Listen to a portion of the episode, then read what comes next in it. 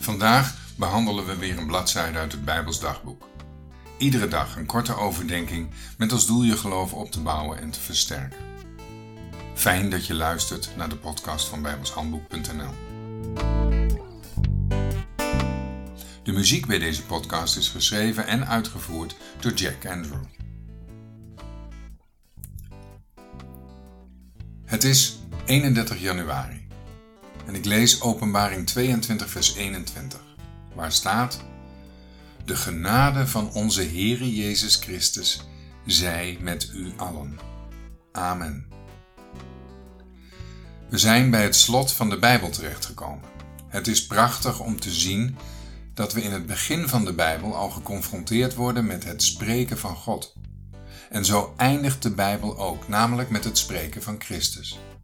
Hij staat aan het begin van de dingen, maar hij is ook het einde van de dingen. Het laatste woord in de Bijbel is Amen.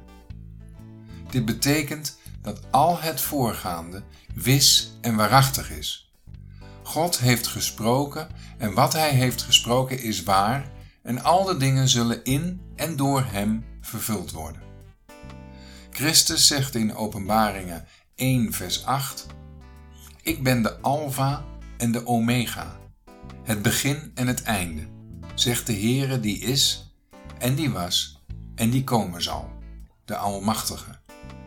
Als Christus hier zegt dat Hij het einde is, dan wordt daar niet alleen mee bedoeld dat Hij de dingen afsluit, doet ophouden, maar veel meer dat Hij het doel, de eindbestemming is van de dingen.